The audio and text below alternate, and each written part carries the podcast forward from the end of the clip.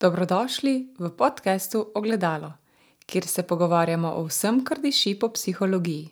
Razbijamo mite in tabuje, ter se učimo, kako in zakaj poskrbeti za lastno duševno zdravje.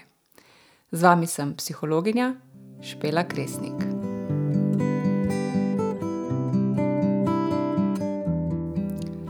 Stopili smo v jesen, sploh če poslušate to epizodo v realnem času potem veste, da je za nami nekaj prvih jesenskih dni. In običajno jeseni že večina ljudi spet se upelje nazaj v neke delovne ritme, in s tem pridejo tudi delovne, pa tudi druge duševne obremenitve. Se pravi, veliko več je tega vsakodnevnega stresa, kot pa ga morda doživljamo čez poletje ko se zdi vse skupaj nekoliko bolj lahkotno, vsaj za večino ljudi. Zato bom današnjo epizodo posvetila temi, kako se lažje soočati z duševnimi obremenitvami, oziroma kaj je tisto, kar lahko krepimo, da se bomo lažje soočali z duševnimi obremenitvami. Zato se bomo danes osredotočili na pojem osebnostne čvrstosti ki je eden izmed ključnih elementov, ki nam pomaga omiliti učinke stresa na naše psihofizično zdravje. Dejstvo je, da se ljudje na stres in na duševne obremenitve, ki smo, ki jih pač, ki smo jih deležni, odzivamo zelo različno. V osnovi zato, ker imamo različne zunanje vire podpore in različne notranje vire moči. Se pravi, zunanji viri podpore so lahko naš socialni krok, medtem ko notranji viri moči so vse tiste veščine in lastnosti, ki jih imamo kot posameznik. In oboje je pri soočanju s stresom pomembno. Se pravi, niso dovolj le zunanji viri pomoči, in niso dovolj le notranji viri moči. In poleg tega je zelo pomemben tudi naš način razmišljanja. Če smo, na primer, mi sami zase prepričani, da nismo sposobni, da se z nekimi stresnimi situacijami ne znamo spoprijemati, potem je, verjamem, da vsem jasno, da se bomo s stresom in s temi obremenjujočimi situacijami spoprijemali veliko slabše, kot če bi zase verjeli, da lahko najdemo način, kako obvladati te duševne obremenitve in v stres, ki ga prinesejo seboj. Ker dejstvo je, da stres in duševne obremenitve doživljamo čisto vsi. Nihče od nas, ne glede na naziv, ne glede na to, odkot prihaja, ni imun na stres in na duševne obremenitve. Zato tako telesni kot psihični odzivi na te obremenitve niso nikoli znak naše šibkosti, kot recimo kdaj zmotno verjamemo. Ampak nasprotno, pomagajo nam pri boljšemu spoprijemanju. Se pravi, psihofizični odziv telesa na stres je nekaj, kar nam pomaga pri tem, da se mi bolje spoprimemo s stresorjem. In če tako pogledamo, vidimo, da nas že telo pripravi na to, da se bomo z nekim stresorjem soočili. In ko mi sprejmemo, da je stres preprosto del življenja, da ga doživljamo vsi, šele takrat ga lahko vidimo kot nekaj, kar lahko potencialno krepi našo psihološko odpornost. Zato, ker ko si dokažemo, da se lahko s stresnimi situacijami spoprimemo, se vedno znova učimo in pridobivamo izkušnje, da smo učinkoviti, in s tem se dviga tudi naša samoučinkovitost. In v zvezi s psihološko odpornostjo je raziskovalka Suzen Kobasa na podlagi svojih raziskovanj prišla do nekega konstrukta, ki ga je imenovala osebnostna čvrstost. In ravno osebnostni čvrstosti bomo danes posvetili večji del časa znotraj tega podcasta. Kaj je osebnostna čvrstost? V bistvu je to osebnostna značilnost, ki pripomore k odpornosti na učinke stresa. In hkrati pripomore tudi k temu, da mi vidimo smisel življenja in da sprememb, ki so del življenja, ne doživljamo kot breme, ampak kot nekaj, kar je v življenju zelo normalno in pričakovano. In tako je ugotovila, da osebnostna čvrstost se stoji iz občutka nadzora, iz angažiranosti in iz možnosti videti spremembe oziroma ovire kot izziv. In za osebnostno čvrste ljudi je značilno, da duševne obremenitve v obliki stresa ali sprememb doživljajo kot izziv in priložnost za rast. Torej, jim ne predstavljajo nobene grožnje. Razumejo, da je to nekaj, kar doživlja vsak, in da, je, da so to stvari, s katerimi se pač moramo v življenju spoprijeti, zato da lahko še naprej dobro živimo. In dejstvo je, da situacije ljudje doživljamo kot ogrožajoče, takrat, kadar ocenimo, da mi nimamo dovolj virov, da bi se situacije uspešno spoprijeli. In sprejemanje stresnih situacij kot del življenja je naravnanost, ki je del osebnostne čvrstosti. Pomeni, da te obremenitve mi doživljamo kot izziv. In imamo občutek, da smo izzvani, da najdemo način, s katerim se bomo z neko situacijo soočili, bolj ali manj uspešno. In če nekaj doživljamo kot izziv, je logično, da smo zato tudi bolj motivirani, da okrepimo vire, če tudi na začetku se zdi morda, da nimamo zadosti virov, ampak vemo, da jih lahko okrepimo in nam bodo potem ti okrepljeni vir pomoč, v pomoč pri soočanju s stresom. In še enkrat, da povem, da je pomembno, da se zavedamo, da so viri tako zunani kot notranji. In med pomembne zunanje vire spada recimo primerna in zadostna socialna podpora. In le to najpogosteje aktiviramo takrat, kadar ocenimo, da neke okoliščine občutno presegajo naše zmožnosti, da bi se situacijo spoprijeli sami. In zelo je pomembno, da jih aktiviramo, če imamo to možnost. Kaj ti lažje je, če se v stiski lahko na nekoga naslonimo, ki nam je podpora, in potem se zdi, da gre vse skupaj lažje. Za osebnostno čvrste ljudi je značilno tudi, da so angažirani in zauzeti za izpolnitev dejavnosti, ki pripeljejo do želenega cilja. Se pravi, ljudje si postavljamo različne cilje, in če smo osebnostno čvrsti, se zavedamo, da moramo mi biti tisti, ki bomo angažirani, zato da bomo neki cilj dosegli s pomočjo nekih dejavnosti, ki so pač potrebne za dosego tega cilja. In zavedamo se te pomembnosti, da smo upleteni v dogodke in stike z ljudmi, ki nas obkrožajo. In ne glede na to, kako močan stres obremenitev prinaša, se odzovemo tako. Ne? In na nek način bi lahko rekli, da gre preprosto za prevzemanje odgovornosti, namesto da bi se umaknili v samoto in da bi se odtujili in zaprli vase. In angažiranost pomeni tudi, da smo mi pripravljeni vlagati napore v dosego cilja, ki smo si ga zadali. Se pravi, da se zavedamo, da smo mi odgovorni, da bomo cilj dosegli le, če se mi dovolj angažiramo. Pričemer ne izključujemo, seveda, mogoče kakšne zunanje pomoči, ampak moramo znati za to pomoč tudi vprašati. In za osebnostno čvrste ljudi uh, je značilno tudi, da imajo občutek notranjega nadzora nad svojim življenjem. Tu pa gre za zavedanje, da situacijo, ne glede na njeno težavnost, izkoristijo kot priložnost za rast. Prepričani so, da imajo vpliv na to, kaj se jim v življenju dogaja. In na tak način je potem bistveno lažje iti skozi življenje. Eh, ker tisti, ki so v bistvu bolj okupirani z tem zunanjim nadzorom, se bolj prepuščajo življenju in imajo občutek, da v zvezi z nekimi zahtevnimi situacijami preprosto ne morejo narediti nič. In spet, če smo mi prepričani, da ne moremo narediti nič v zvezi z neko situacijo, ki se nam dogaja se zagotovo tudi ne bomo potrudili, da bi karkoli naredili, ker ne bomo motivirani, ker verjamemo, da pač to ni odvisno od nas. Pa da se na tej točki spomnimo, vse stvari zagotovo niso odvisne od nas. Lahko pa v kontekstu tega mi vedno pogledamo, kaj pa je tisto, na kar imamo vpliv, kaj je tisto, kar je v moji moči znotraj tega. In Za doseganje osebnostne čvrstosti je izredno pomembno, da so hkrati aktivne vse te tri naštete komponente, torej občutek nadzora, angažiranost in zmožnost videti spremembe kot izziv.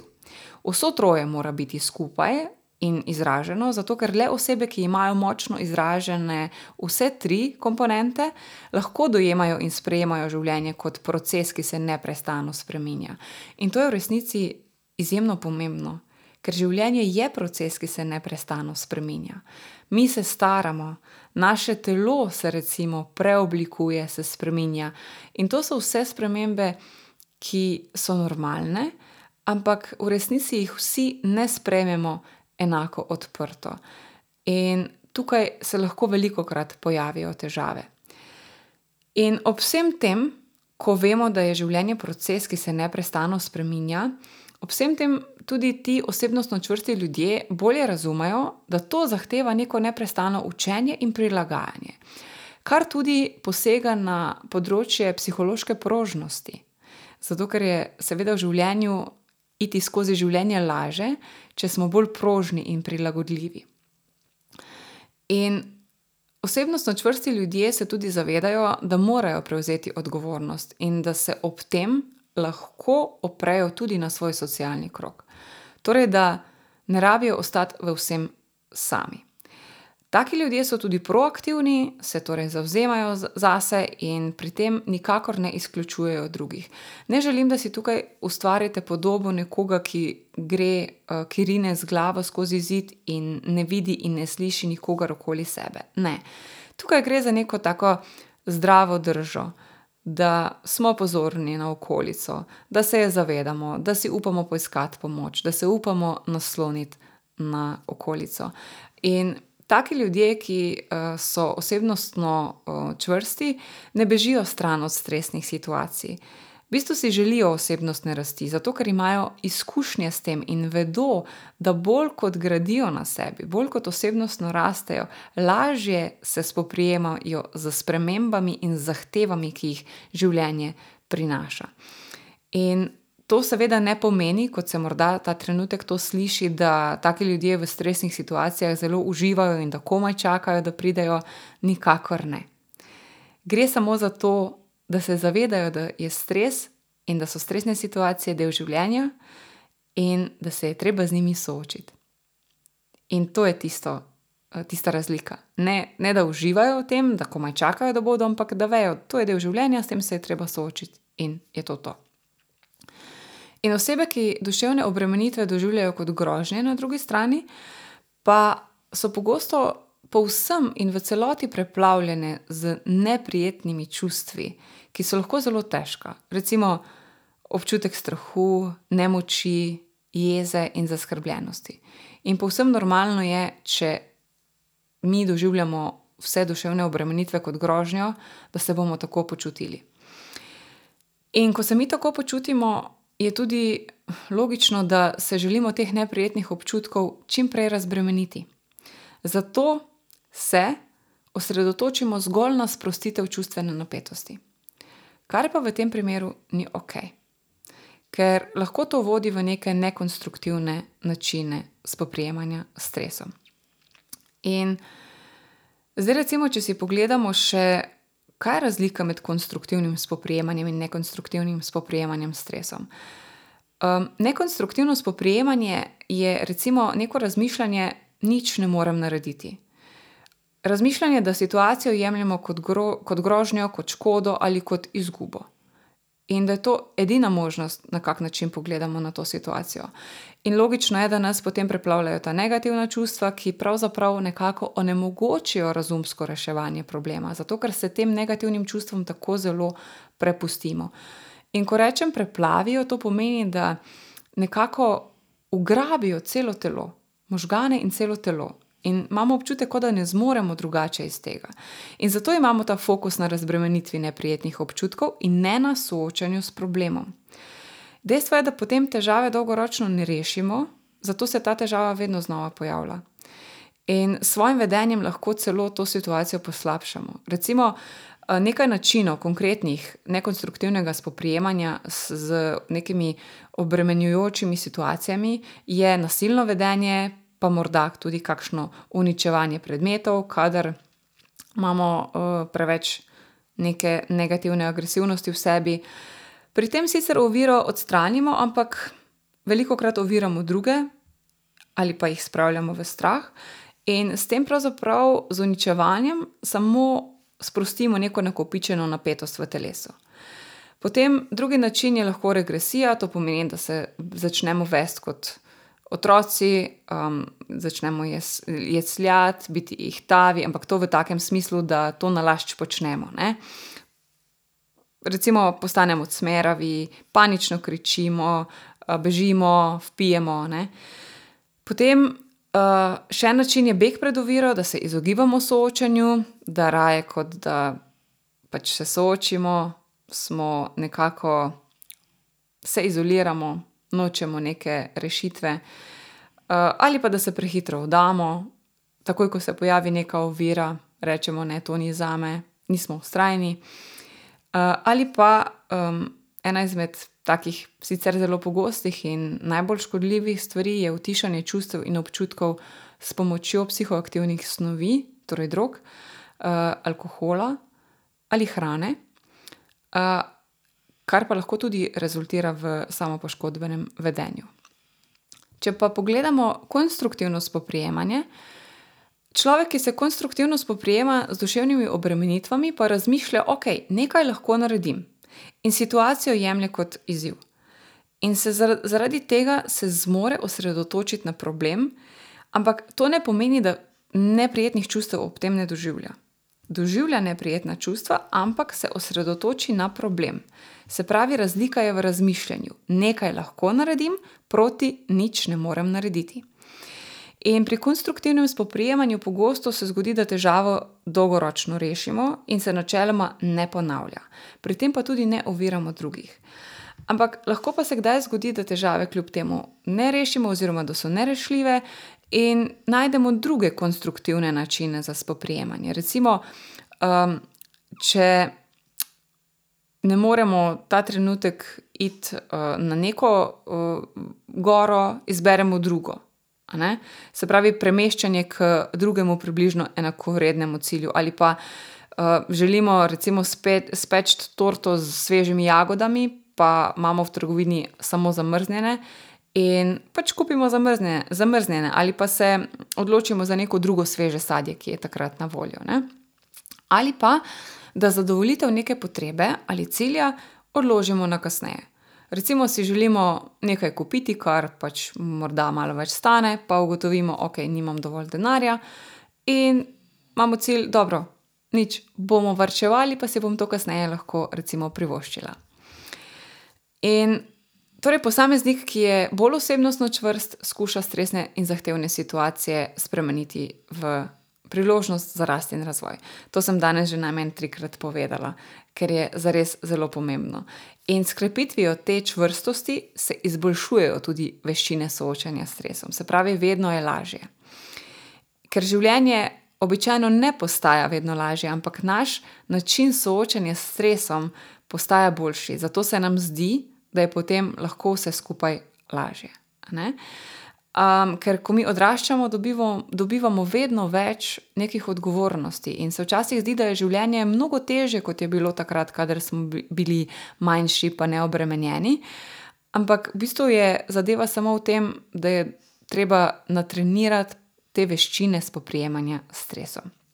In ko mi to natreniramo, se poviša tudi tako imenovana frustracijska toleranca, to pa je odpornost na neuspeh. In tako se osebnostno čvrsti ljudje tudi lažje soočajo z neuspehi, lažje prenašajo ovire na poti do cilja in so tudi bolj ustrajni. In za njih je manj verjetno, da bodo pogosteje uporabili kakšno nekonstruktivno, uh, nekonstruktiven način spoprijemanja s stresom. Um, In med drugim so ugotovili tudi, da posamezniki, ki so bolj osebnostno čvrsti, bolje delujejo, delujejo pod stresom in pod pritiskom. In raziskovalci, ki so proučevali profesionalne atlete, so tudi ugotovili, da tisti, ki so bolj osebnostno čvrsti, doživljajo manj občutkov anksioznosti, so torej manj zaskrbljeni in doživljajo manj telesnih simptomov anksioznosti. Zdaj pa morda vprašanje, ali je osebnostna čvrstost posledica dednosti ali okolja. Oboje. Ker je osebnostna čvrstost torej posledica obojega, tako dednosti kot okolja, je to dober znak za nas, ker se lahko veščin osebnostne čvrstosti naučimo. Prvi korak pa je to, da se s stresom in duševnimi obremenitvami soočimo, namesto da se jim skušamo izogniti. In tako krepimo tudi pogum. Torej, kako se lažje spoprijemati, naučiti se lažje spoprijemati tako, da se sploh začnemo spoprijemati, da nehamo bežati. Potem drugi korak je morda, da izhajamo iz misli, ok, nekaj lahko naredim, kaj lahko naredim, da začnemo iskati možne rešitve. Če nimamo v celoti vpliva, kar ga imamo redko, potem poiščimo, kaj pa je v območju mojega vplivanja. In skozi te izkušnje bomo potem videli, da se da z vztrajnostjo, z nekimi veščinami, da se da vse to okrepiti. In dejstvo je tudi, da če smo bolj osebnostno čvrsti, imamo tudi več interakcij z drugimi ljudmi, zato ker lažje vzpostavljamo stike, bolje skrbimo za svoje telo in tako premoremo tudi več sočutja do sebe, torej znamo bolje poskrbeti zase. In raziskave so tudi uh, ugotovile, oziroma ugotavljajo, da naj bi se visoka stopnja osebnostne čvrstosti lahko povezovala tudi z pozitivno samopodobo. In Morda za zaključek samo še to, da ni treba biti vsem sam. To je zelo pomembno zavedanje, ki ga imajo osebnostno čvrsti ljudje. Pomembno je torej se zavedati, da osebnostna čvrstost še enkrat ne pomeni, da si ne dovolimo prejeti pomoči. Osebnostna čvrstost je le drža, v kateri izhajamo iz pozicije moči, ko se srečamo z nekimi duševnimi obremenitvami. Se pravi, imamo občutek, da imamo mi moč, da se s tem spoprimemo. In pomeni, da verjamemo, da nam lahko uspe spoprijeti se stresom in bolečino, ki jo te obremenitve prinašajo. Dejstvo je tudi, da mi nismo super ljudje, nismo roboti in zato je socialna podpora eden izmed izjemno pomembnih virov spoprijemanja s stresom. Socialna opora je naš krok ljudi, ki so nam blizu in ki jim zaupamo. Krok za nas zares pomembnih ljudi. In tudi iz tega podpornega kroga črpamo moč, kadar se spoprijemamo z duševnimi obremenitvami. Zato zares ni vseeno, kdo so ljudje v vašem krogu. Morda na tem mestu eno vprašanje za samo refleksijo: kdo so ljudje, ki me obkrožajo? s kom preživljam veliko časa. Ali me ti ljudje podpirajo ali me ovirajo. Sem ob teh ljudeh lahko to, kar sem, ali moram nositi kdaj v kakšnih odnosih kakšno masko. A veste, vsake toliko je zelo dobro, da malo reflektiramo ta svoj krok ljudi. In včasih mogoče tudi kaj um, naredimo drugače. Morda mora kdaj kak odnos tudi se zaključiti na neki točki, sploh kadar mogoče pride do nekega nespoštovanja. Sicer pa je dovolj že zavedanje, da imamo svoj krog ljudi, ki nam lahko pomaga. Uh, ker ima ta krog um, ljudi pravzaprav pogosto še bolj močen pozitiven vpliv na duševno zdravje, Eh, se pravi, to zavedanje, da imamo ljudi, kot pa dejanska pomoč, ki jo dobimo od tega kroga. Bolje je torej pomembno zavedanje, da imamo nekoga, ki nas bo podporil, kadar bo mogoče kje na naši poti težko. In deljenje lastnih zgodb je še en dejavnik socialne podpore. Preko tega deljenja se lahko z drugimi ljudmi bolj povežemo, in včasih se veste, ko včasih rečemo, da smo se začutili, ali pa da imamo podobne zgodbe, ali pa da se bolje razumemo. Vse to, če imamo mi enako zgodbo kot nekdo drug, ne pomeni, da ga v vsem in v celoti razumemo. Ampak je pa dejstvo, da če imamo neko izkušnjo, jo morda lahko uh, malo drugače razumemo to osebo. Ne? In um, če je to recimo naš prijatelj, se lahko mogoče tudi on zaradi tega lažje odpre in spregovori o teh stvarih. In pravzaprav sama bi bila izredno vesela, če bi se začeli ljudje malo več pogovarjati o svojih pristnih občutkih in čustvih in o stvarih. Ki se jim dogajajo. Se pravi, da ne bi samo uh, pavšalno govorili o dogodkih, ki so se zgodili, ampak da gremo tudi vase in povemo, da ob tem sem se pa počutil tako in tako. da ne rabimo brati med vrsticami. Uh, zato, ker pomembno je, da spregovorimo o svojih težavah. Že zato, ker nam je ob tem lahko lažje. In ko mi pripovedujemo o doživetih stiskah, to tudi krepi in spodbuja razvoj odpornosti, ker si upamo biti ranljivi in ker vidimo, da to ni nič takega. Seveda tukaj govorim, da smo ranljivi takrat, eh, oziroma ob tistih ljudeh, kjer si to lahko privoščimo in kjer se počutimo varno. In biti odprt in upati si pokazati svojo ranljivost nam lahko v varnih odnosih tudi pomaga vsaj nekoliko zaceliti rane. Vedno se to v nekih prijateljskih odnosih zagotovo ne da, ampak ob nekih takih blažjih, lažjih stiskah je pa lahko podpora prijateljev že zelo, zelo dragocena. Ampak podpora prijateljev ne pomeni nič, če o teh stvarih ne spregovorimo. Zato pač mora biti na nas pobuda, da spregovorimo in še prej, da razmislimo, kdo so ljudje, ki nas obkrožajo, ali jim sploh mi lahko zaupamo. In tako kot je na eni strani pomembno graditi torej na osebnostni čvrstosti in se uriti v konstruktivnem premagovanju ovir, je na drugi strani tudi pomembno, da nas obkrožajo ljudje, na katere se lahko zanesemo in naslonimo. Pomembno je vedeti, da kljub prevzeti odgovornosti nismo sami. To dvoje je tudi tisto, kar nam omogoča, da se z duševnimi obremenitvami lahko še lažje in bolj konstruktivno ter uspešno soočamo. Hvala, ker ste me poslušali, hvala, ker ste ostali do konca z mano v tem podkastu. Vaša podpora mi vedno zares veliko pomeni in vedno sem hvaležna za vsako podelitev v storje, recimo na Instagramu, kjer me označite, pa vas potem z veseljem podelim naprej. Ali pa če na platformi, ki jo poslušate, recimo Apple Podcast, vem, da ima to možnost, pa mislim, da tudi Spotify, da ocenite epizodo oziroma podcast. Tudi to veliko pomeni in hkrati tudi pomaga, da potem algoritmi uh, ta podcast prikažejo tudi ostalim, ki morda zanj še ne vejo. Uh, skratka, vsaka, vsaka podpora, tudi kako sporočilo, ki mi ga napišete, uh, vsak odziv je res, res meni zelo, zelo drag. In zavedam se, da ni uh, enostavno v tem času, ko um, se vse tako hitro vrti, se ustaviti in poslušati um, kakšno epizodo podcasta. Zato zelo cenim vaš čas, ki ga za to namenjate. In res vam iskrena hvala. Bodite dobro.